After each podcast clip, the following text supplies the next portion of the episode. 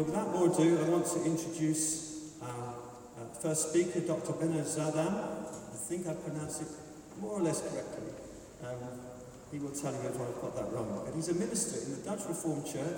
He teaches Christian ethics at the Free University in Amsterdam, and he's a research associate at Northwest University in South Africa, where he lived for a number of years.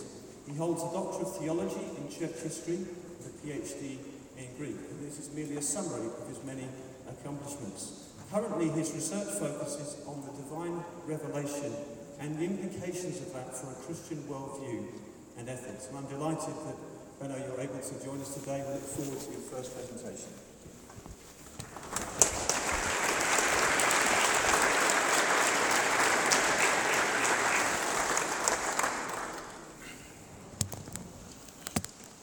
Brothers, sisters, friends, our help is in the name of the Lord who created heaven and earth. Let us pray. O Lord, our Heavenly Father, Almighty and everlasting God, who has safely brought us to the beginning of this day, defend us in the same with thy mighty power, and grant that this day we fall into no sin, neither run into any kind of danger but that all our doings may be ordered by thy governance, to do always that is righteous in thy sight, through Jesus Christ our Lord. Amen. Retrieving the lost books. Do you feel a bit like Indiana Jones this morning? Perhaps a little bit. That's allowed.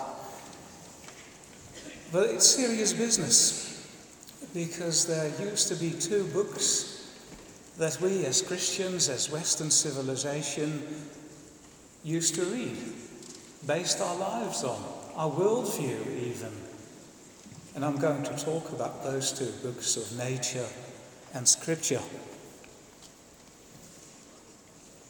Doing so, I use the image of St. Paul and the Hebrews and elsewhere that we are pilgrims as Christians on a journey to the heavenly Jerusalem, the new heaven and the new earth. And that's what our civilization has lost. The world around us does no longer believe in a destination and no longer has faith in the roadmap that God handed down to us. Is there a destination? Do we have a valid roadmap? And then we've got the words of the Lord Hold up my goings in thy paths, that my footsteps slip not. Beautiful words of the Holy Spirit in the prayer book of all time, the Psalms, helping us to pray when words fail. God's assistance, his paths, are they still discoverable in a postmodern world? That's the question this morning. And asking this question, it's, it's good to go back to Scripture first to show that God teaches that we've got those two books. First, the book of nature, Psalm 19. The heavens declare the glory of God, and the firmament showeth his handiwork. Day unto day uttereth speech, and night unto night showeth knowledge. There is no speech nor language where their voice is not heard. Their line is gone out through all the earth, and their words to the end of the world. So God reveals himself in creation, even through fallen creation. And then more specifically in Scripture, Psalm 119. I understand more than the ancients because I keep thy precepts. I've refrained my feet from every evil way that I might keep thy word. I've not departed from thy judgments, for thou hast taught me.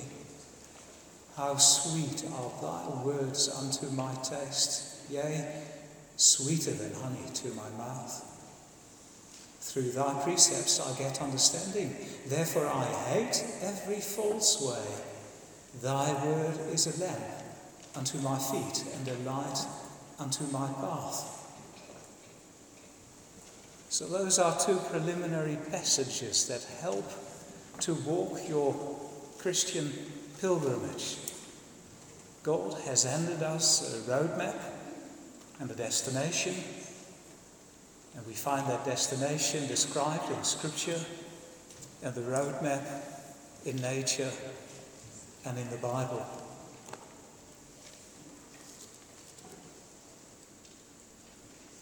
Retrieving the lost books, that's the topic this morning, because I think that's very necessary.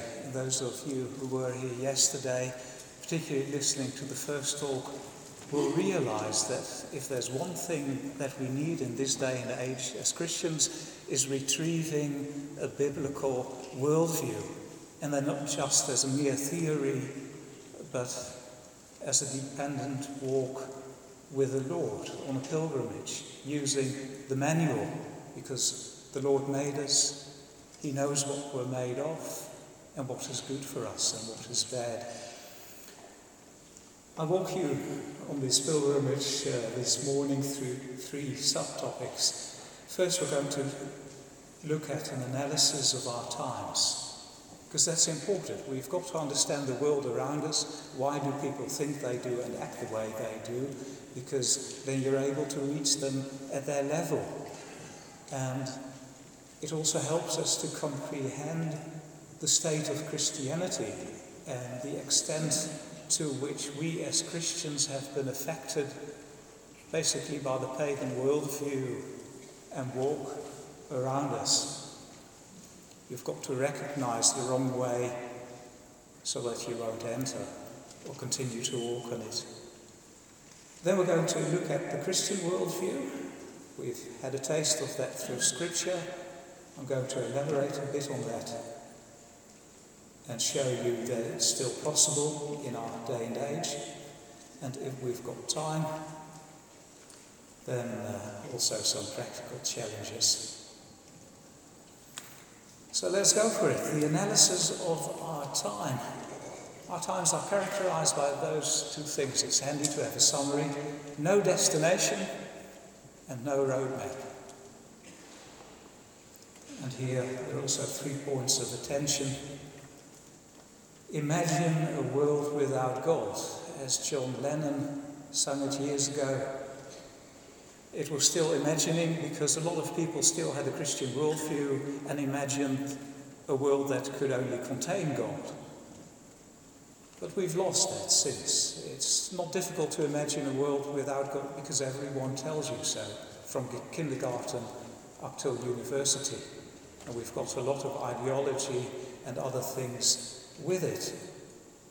And that's produced a disaster, not only in society in general, but particularly in Christianity. Last week, the results of research by Ligonier Ministries in the US were devastating, really, about Christianity in the United States, about uh, the commitment of Christians and what they actually believe and how they live their lives. And it's worst in the Generation Z. That's basically children born between 1999 and 2015. There are all sorts of reasons for it. One is social media, another one is the what you could, in a conspiracy way, address as the New World Order education, which uh, has some roots in 1948 with the Dewey education, but the gender views and transgender views that children have been taught started with a child centered education where we become the norm of all things. These children, Generation Z, has gone through that education, that they and their emotions and how they feel are the most important thing in life. And they have been addressed in many cases in public schools, but also even in general Christian schools by gender ideologies that we are who we think we are. And that's our identity, that's our gender. In the US, still a nominally Christian country, 59% of those people consider themselves Christians. Well, that's wonderful. I'm sure that that's not the case in the UK or the Netherlands, but with the Generation Z in the US, as it is. But only 10% is still an engaged Christian. Means goes to church regularly, worships, prays. That's only 10%. And that new generation is coming into adulthood gradually now and they're not persuaded by looking at primary resources, but it's very emotive. They're extremely vulnerable because they can hardly stand any views that beg to disagree. Then they're disturbed and have to shout or cancel, and that's a product of education, of social media, of the world around us. This morning on the telly with the news, there was an item about a little girl, primary school, I think, or early secondary who committed suicide because I think she was into fitness and got the apps and the algorithms worked their devastating way into self image, self harm, and suicide. Yesterday we heard a talk about the fear of men. We should teach our children fear of sin fear of wrong messages so that they're able to discern. Because we can't wish away social media, but we can teach our children how to use it and how not, and when to say no, just as Nancy Reagan in the past just said no against drugs. There are things that a Christian should just say no against. Pornography is one, and others you can, other things you may imagine for yourself. So we've got a problem also in Christian circles. The latest research shows that many people consider themselves evangelicals without believing in the Trinity or the two natures of Christ or the virgin birth. Yeah. Message of the early church, the Nicene Creed or the Apostolic Creed is you you cannot be a Christian without believing in those things if you've got the rational capability for it. So, lots of people, even evangelicals, perhaps millions of evangelicals in the US, considering themselves Christians, while the old church definition is you're not a Christian at all, you're fooling yourself. And that's a serious situation because the US used to be the base for Bible believing Christianity. It's an indication that uh, probably none or hardly any of the seminaries in the US teach creation as the Bible teaches it. So we're also losing our roadmap. How did we lose it? Not overnight, not in evangelicalism, not in Christianity in general. Actually, if you look at it as an historian, you may go back to the 11th century. That's a long time ago.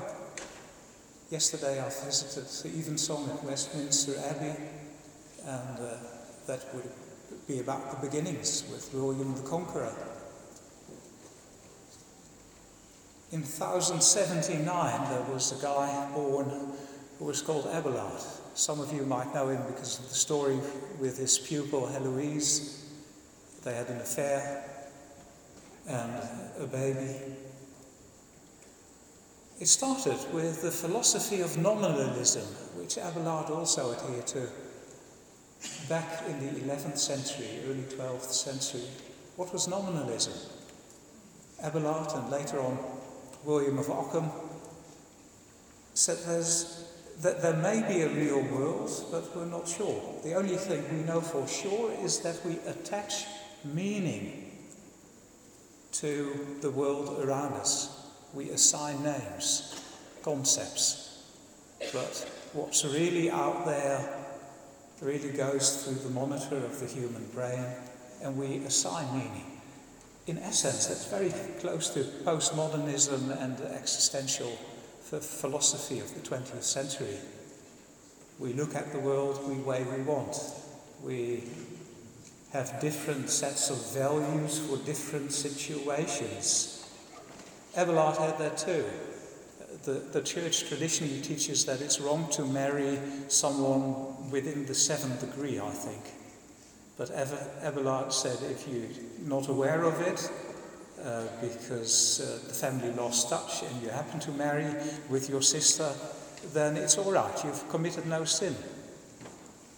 And that was a huge step because, objectively, in God's sight and for theology and the church in general, uh, of course it remains sin, if, whether we're aware of it that we sin or not.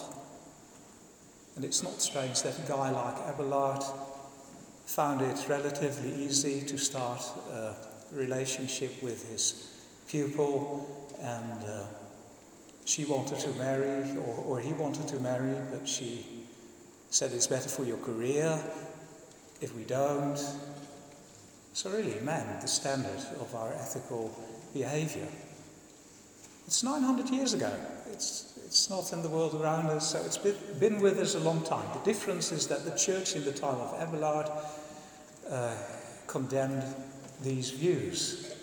And he recanted and was reconciled to the church. Bernard of Clairvaux, another prominent name in those days, took him to task. And it ended relatively happy for God's truth. But after that, 12th century, we got William of Ockham. And he had Occam's razor that any explanation which is the most simple one, Occam's razor, that's the explanation you should go by. And that combined with the naturalist worldview, and you've got Richard Dawkins in embryo.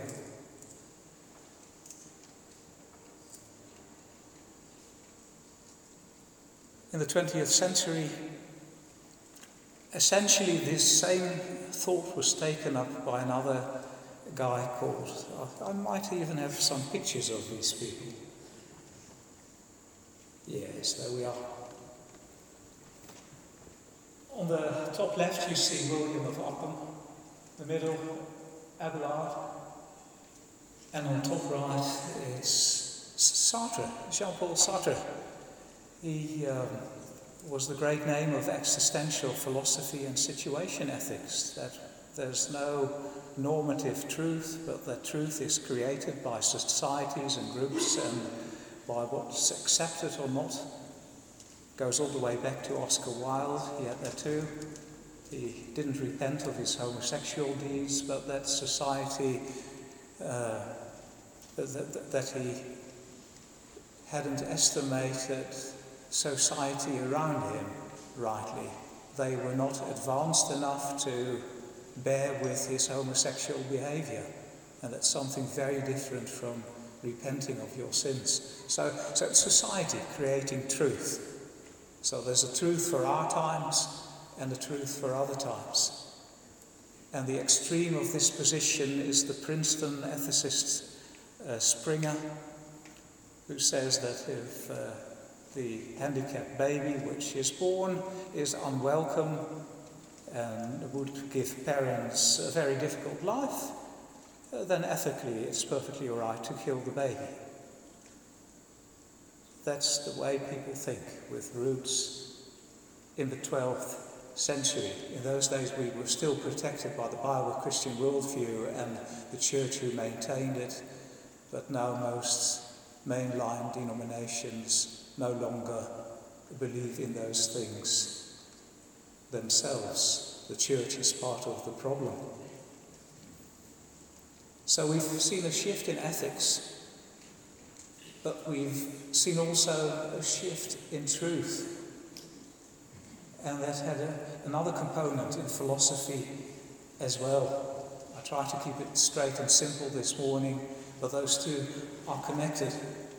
Behind me, you see Immanuel Kant, he wrote very thick books in German, and I'm not sure whether he always understood what he himself was saying, but uh, it might say more about me than Immanuel Kant.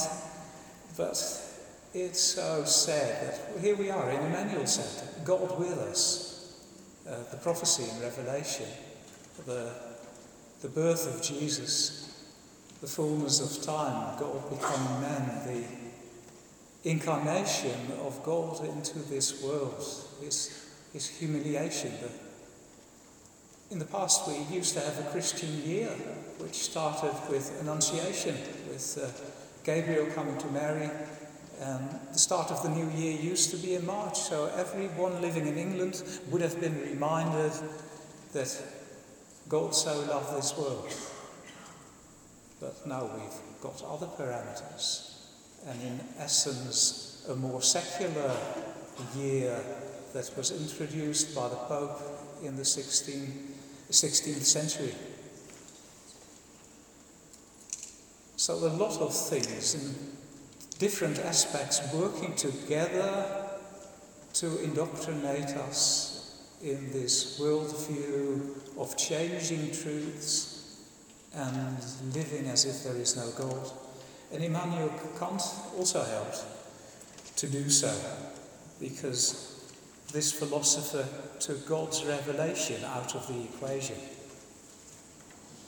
He still believed in truth and in objective truth, and his main rule was that whatever can be practiced by everyone should be the rule for all. And that's a good question to ask, because if some people lie, Uh, and that would be perfectly all right as a practice, then we get chaos in this world, so we shouldn't do it. So Kant also was against lying. But he no longer believed in God's divine revelation as objective truth. And the same applies to Hegel. That's a sort of painting that could give children's uh, nightmares with the intense eyes of Mr. Hegel. I hope you will sleep, still sleep tonight, but it's morning, so it's safe to do this. Hegel he changed the philosophical approach to truth. He said there's a truth for certain types. Truth moves dialectically, he called it. What does that mean? There's a thesis, there's something that might be the opposite, an anti-thesis or an antithesis, and they come together. If you leave them alone long enough, then the truth is somewhere in the middle, and you get synthesis. And so there are many truths and many countries um, all those works with synthesizing truths. It's where Karl Marx based his dialectic materialism on and Marxism, but that would be uh, a series of different lectures. Main thing to remember for this morning is from Hegel, truth was no longer objectively outside us, but it's the times who create truth and they they have different truths that combine into synthesis. So if, if you read university professors uh, and they write about that it was perfectly right in the 16th century but is no longer tr- hold, holds true for today, then you have to recognize Georg Friedrich Hegel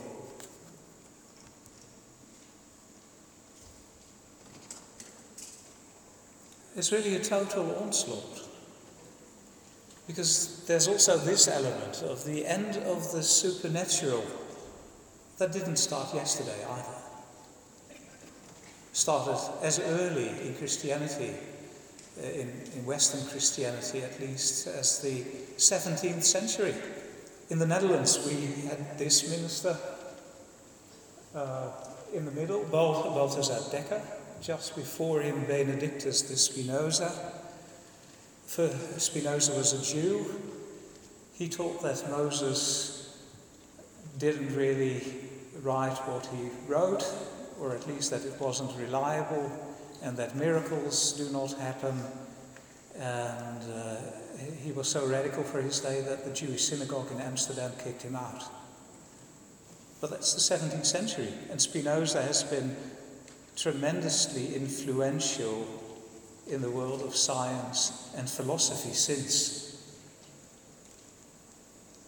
Materialism, end of the interference of God. The, the only thing is matter, atoms, and uh, consciousness, we'll hear more about that later today, is a mere byproduct of the material world. We imagine that we have souls and that there is a golden spirits, but it really isn't. And miracles don't exist. Balthasar Bekker, the minister in the middle, was a Dutch Reformed minister who wrote a book about witchcraft, or really for the protection of witches against the, the witch hunts, because there was a lot of superstition, particularly from the 15th century onwards, and many innocent victims. And he wrote a book against that, and he basically said that the supernatural doesn't exist because spirits don't exist, and uh, ghosts and those haunted houses, that's all superstition. And witches don't, and sorcerers don't exist either. Yeah, it helped to keep mainly women from the scaffold or being burnt alive. That's what they did in those days. Or also uh, drowning was, was popular. But if you say those things don't exist and use those as a reason, then you throw out the baby with the bathwater. Because think about scripture. If sorcerers don't exist, what about Elymas on Cyprus and Paul and Barnabas meeting him and Paul admonishing him in the name of Jesus? And other Christians who converted burning their pagan books of magic the sorcerers at Endor, Jesus casting out demons, multiplying bread and fishes. You've got to take a lot out of Scripture if you take that presupposition. It may have a lofty goal saving innocent women, but it's a different worldview. The supernatural disappears. Balthasar Bekker suffered the same fate in his circles as Spinoza did. He was uh, censured by the Dutch Reformed Church and no longer allowed to preach. Next to him, you find the, uh, the German philosopher Nietzsche. Forgotten his first name, not that important. Most people know him as, as Nietzsche. In him, about 1855, everything culminates. And he writes in German, uh, We have murdered God. We are the greatest murderers of all time. And th- that, those weren't cheap words of, of Nietzsche. It, it, really hurt. You see something of the despair that Cain had when he had murdered Abel and it to appear in God's sight. So it really hurt Nietzsche. Wir, wir haben Gott ermordet. We have murdered, we've killed God. Because everything in philosophy, in society, in the way our culture culminated in elite circles in those days, because uh, at ground level, people with less education tended to be generally Bible believing still in the 19th century. But at the universities, things changed, and sometimes painfully just like it was uh, a painful process for Darwin to lose sight of God. And then next to Nietzsche, we have the theological culmination of lack of the supernatural, that's Bultmann demythologizing the Bible. And the moment we see anything supernatural in Scripture, or supernatural so called, because it's in harmony the, in, in, in Scripture, the supernatural is actually also natural in God's sight. But you could define it in terms of material and spiritual world.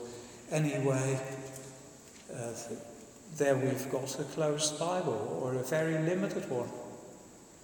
And if you read Scripture through those glasses, at the moment you have to entertain something slightly supernatural You've got to kick it out or spiritualize it. Yeah, what, you, what are you left with?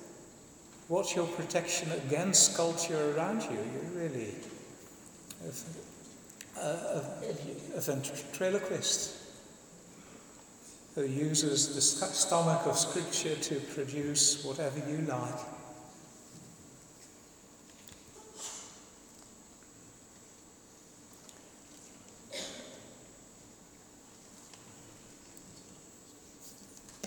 Before you despair, we've been there before. It's not new. Years ago at the University of Utrecht, I studied pagan philosophers who attacked Christianity. Also wrote about that in Journal of Creation, the battle for the Bible. Because there were scientists nearly 2,000 years ago who basically did the same as Bultmann.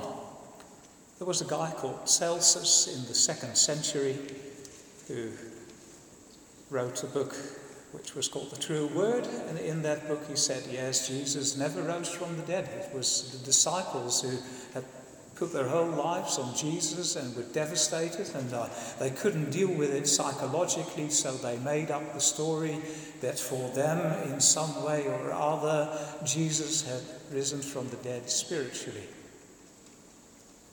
That's the view of most theologians at mainline universities these days, but Celsus believed it in the second century, and the church dealt with those views. The same with another scientist called Porphyry. I won't elaborate on that this morning, but we can handle this. The church has been there before, and in essence, it's some of the same, same things we are dealing with. Do we really believe the Word of God? So that brings us to the Christian tradition. We do have a destination. We do have a roadmap and that light on our path we read about in Psalm 119. And that's not only in Scripture, that's been there right from the beginning, everywhere, right throughout church history.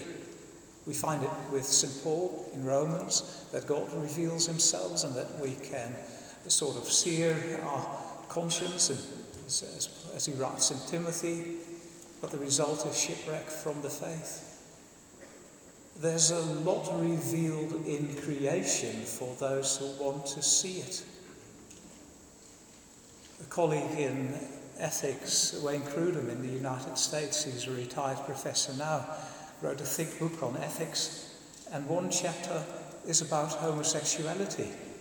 And he uses statistics, data from the US and probably also other places. I've, uh, I've encountered similar in Australia. I used to live in Australia uh, for, for about 20 years, and those statistics were about the same that I saw in Wayne Grudem's book. If you have a homosexual lifestyle as a, as a man, it would mean an average lack, uh, less life expectancy of 20 years, plus a huge medical bill during your life on earth, far above average as compared to normal, say, heterosexual people.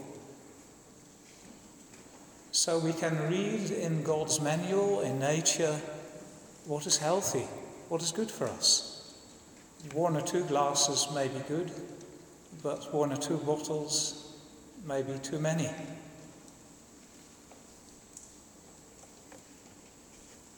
There's no language where their voice is not heard. God continues to speak, to remind us, to appeal to our conscience. And we've always believed that, not only St. Paul. In the early church, you find Tertullian, one of the church fathers, elaborating on it. Well, technically, he's not a church father because he became a Montanist later in life. But anyway, a very influential early teacher. Thomas Aquinas, Calvin, if you read his Institutes for the Christian Religion, then he starts with God's revelation in nature and how that's an open book that we may consult and that speaks loudly and clearly. first chapter in the institution is about that, and only later on Scripture. The Scripture is very important too. But he starts with nature, and you find that same order in Tertullian. And in a way, you find it with Paul too. Not only in Romans, but also Acts 17, Areopagus, Mars Hill, where he appeals on the altar for the unknown God, who is the God who created heaven and earth. So Paul also did creation, evangelism. Isn't that nice? Nature, that's the first book, creation and preservation. That's uh, part of it as well. We've lost that too. In the 18th century, there was a huge earthquake in Lisbon, and I've read accounts where people converted in other countries as a result of the earthquake in Lisbon, in Portugal. That would be unimaginable now because we've filtered all those things out of our worldview. Perhaps if there's a God, then in a deistic sort of way, but that God directly interferes with what happens in creation, that there would be judgments. No, in our worldview, there are no towers of Siloam at all.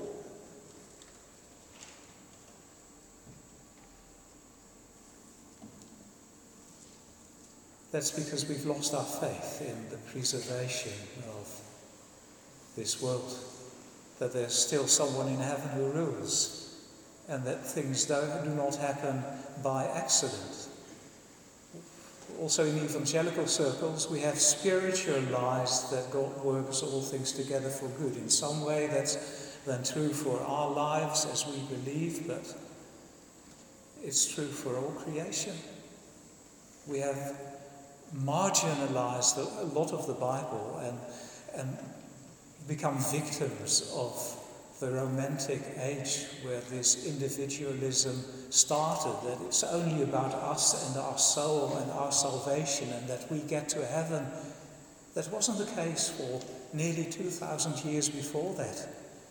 Because God so loved the world isn't restricted to our human souls. The Greek word there is cosmos.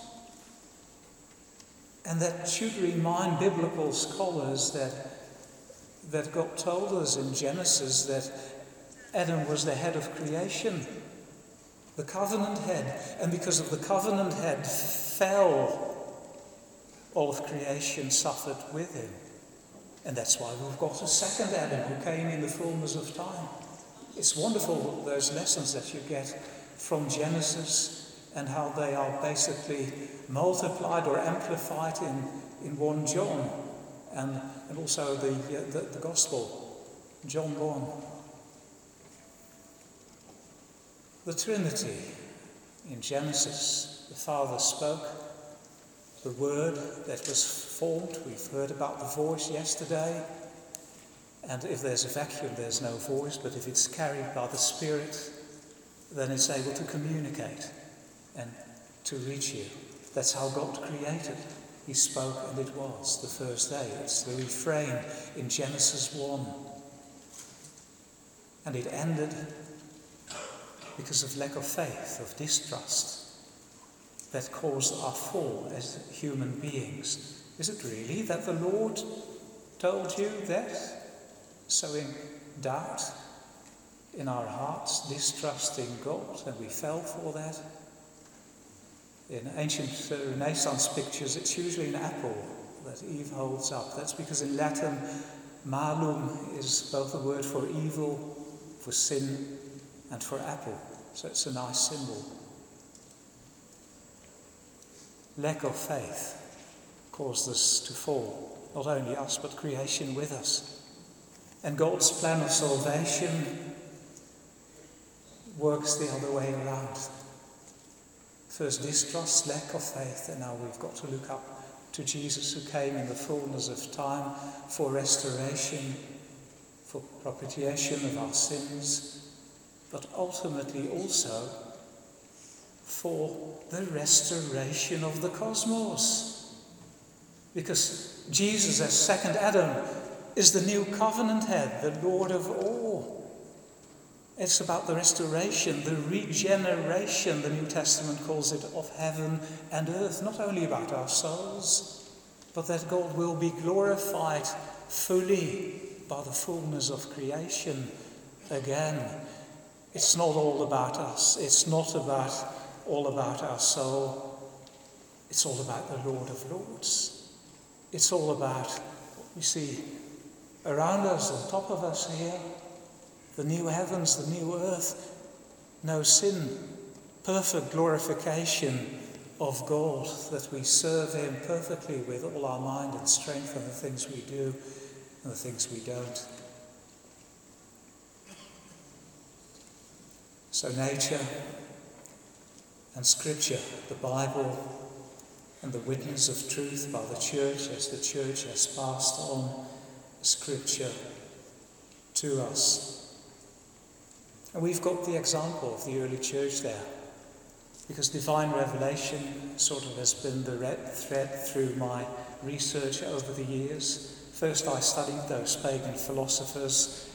Then I thought, uh, how would the church have dealt with this? How did they look at Scripture? So, my doctorate in theology I did on the view of Scripture of the early post apostolic church. So, really early in Christianity, how did they think about the Bible?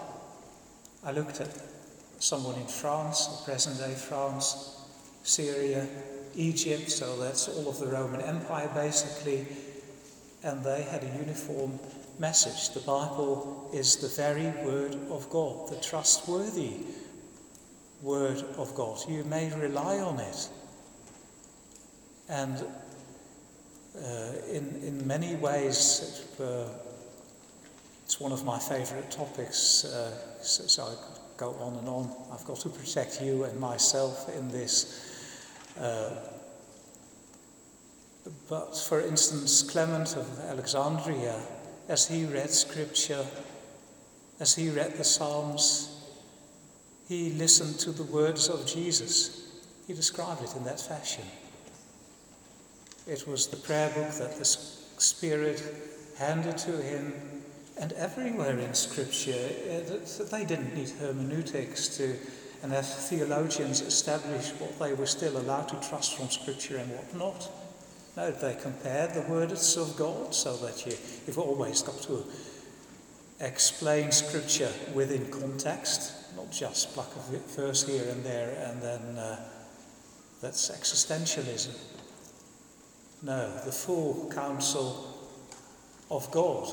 Also, in its progressive revelation, because the word of God for Christians from Gentiles is not exactly the same in its requirements as it was for the people of Israel in the desert. We still have steakhouses, but we no longer sacrifice. That's progressive revelation. We no longer need to do that, although you would find the commandment to do so in the Bible. So, comparing Scripture with Scripture and take the, the revelation of God in its fullness, that's very important to listen to God in a careful way, not just take a part of His Word to do your own thing and run with that. And that was possible for the early church. As St. Augustine discussed about the age of the earth with uh, Greek scientists. He, he said in the City of God, he writes about that. No, those Greek scientists must be wrong that the earth is hundreds and thousands of years old because God revealed to Moses. That was the attitude of the early church, and Augustine was a great scholar who carefully weighed the arguments We've got to do that in our time too. You've got to take opponents and uh, Generation Z and their worldview and what they are made of and how they came into being seriously so that you can apply the Word of God effectively in that situation. It's, it's a bit more challenging for our scholars at universities because you've got all those essentially pagan theories, and you have to know them as well as your professor to pass your exam, and then also develop a Christian worldview and see if it's still possible. One of the greatest testimonies of Christians in creation circles, I have found that basically in every field of science, there is at least someone, and often very many people, who hold a doctorate or professor positions who believe Genesis and the rest of the Bible as you and I do, or try to do, because we also have our afflictions rationally and emotionally, and often those two go together, but we, we want to stick on that journey. And even if we do not have all the, the answers now, we trust the Lord for answers in the future because we found Him reliable. If there's one thing that you learn in science and scholarship, there's so much that you don't know. So that's a bit, bit uh, humbling in some respects, um, but also a good fact check. And uh,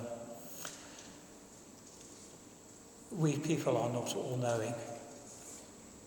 Whatever you see on the telly, whatever your professor tells you, only look at medical science. In the 1960s, we still had one of the most prominent psychiatrists in the USA performing brain surgery, lobotomy with an ice pick. That's science for you. So the suppositions, there's limited knowledge, and uh, the brand of cigarettes that your doctor recommends is no longer with us. And that's, that's only 60 years. So don't be intimidated. Of course, there are practical challenges. I take a few of those, but those perhaps, but what I would like to do mostly is uh, keep your focus right. So we read from St. Paul's letter to the Hebrews, chapter 12. Follow peace with all men and holiness, without which no man shall see the Lord. That's written to New Testament Christians, you and I.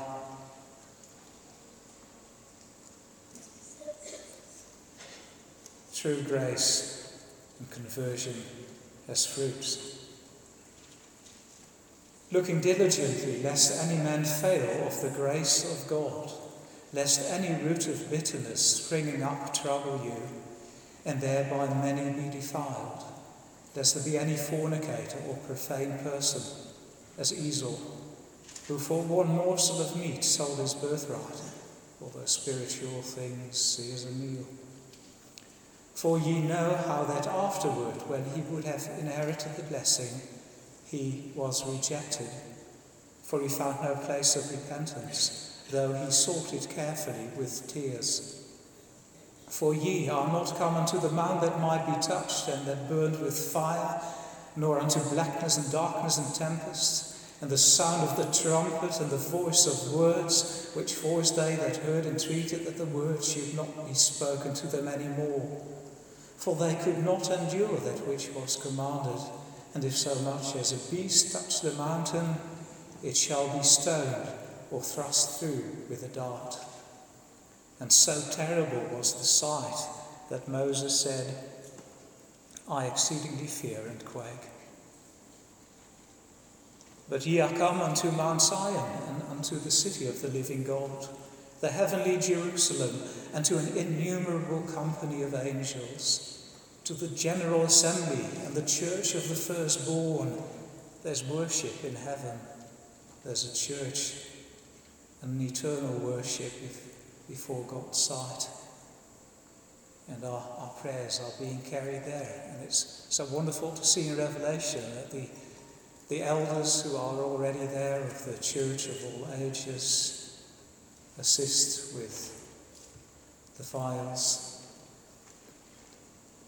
written in heaven, and to God, the judge of all. Here during the funeral, we heard about the merciful judgment. That's perhaps not the way Jesus spoke about it, at least not the judgment for all men. And to the spirits of just men made perfect, and to Jesus, the mediator of the new covenant, and to the blood of sprinkling that speaketh better things than that of Abel. See that ye refuse not him that speaketh, for if they escape not who refused him that spake on earth, much more shall we not escape if we turn away from him that speaketh from heaven, whose voice then shook the earth, but now he hath promised, saying, Yet once more I shake not the earth only, but also the heavens. And this word, uh, and let's see, and this word yet once more signified the removing of those things that are shaken, as of things that are made, that those things which cannot be shaken may remain. Wherefore, we receiving a kingdom which cannot be moved, let us have grace, whereby we may serve God acceptably with reverence and godly fear, for our God is a consuming fire. Let's summarize. We've got a lot of challenges in our day and age, but we're not alone because the books are still with us. There's no language where nature does not continue to speak. You can deny it, but in the Netherlands we've got special brands of medical science for gender specific treatment. Because if you don't, you could literally die if you apply a heart machine to a woman or a man, vice versa. But if, uh, if, if you use the, the machine for a woman while you're a man in trouble, transgender woman, you could die because you're not really a biological woman. And that holds true for a lot of other practical medical science as well. Gender specific treatment, the medical science says. Gender ideology, our politicians promote. Look at the economic and psychiatric bill that will cause to society. The Word of God in nature continues to witness, and the Bible is still with us. The Spirit continues to call, the Father continues to draw. Jesus is still there to save because it's time of grace. And as we walk that pilgrimage, we've got a lot of people here this morning. We're not walking alone. You've got your own congregation, and then there's the church of all ages, that great cloud of witnesses, and the Word of God, that lamp traveling with you on your journey. And remember, especially in these dark times, a little LED light means nothing at 12 o'clock during the day, but at night it can help you and others find the way. So we don't have to be great or to be perfect or understand everything in Christian worldview and in science, as long as we walk with the light that the Lord provides us with our talents and walk and continue to encourage one another. And one additional thing would be church history. Thomas Carlyle wrote an excellent book on heroes and hero worship in the 19th century which takes up this notion. We learn by example from our parents, other great Christians in church history. So if you walk there in Westminster Abbey, remember John Newton and his example, Faraday, John Morris, and many others in our day and age. We've got them in every field. It's such an encouragement. Praise the Lord for them. Amen.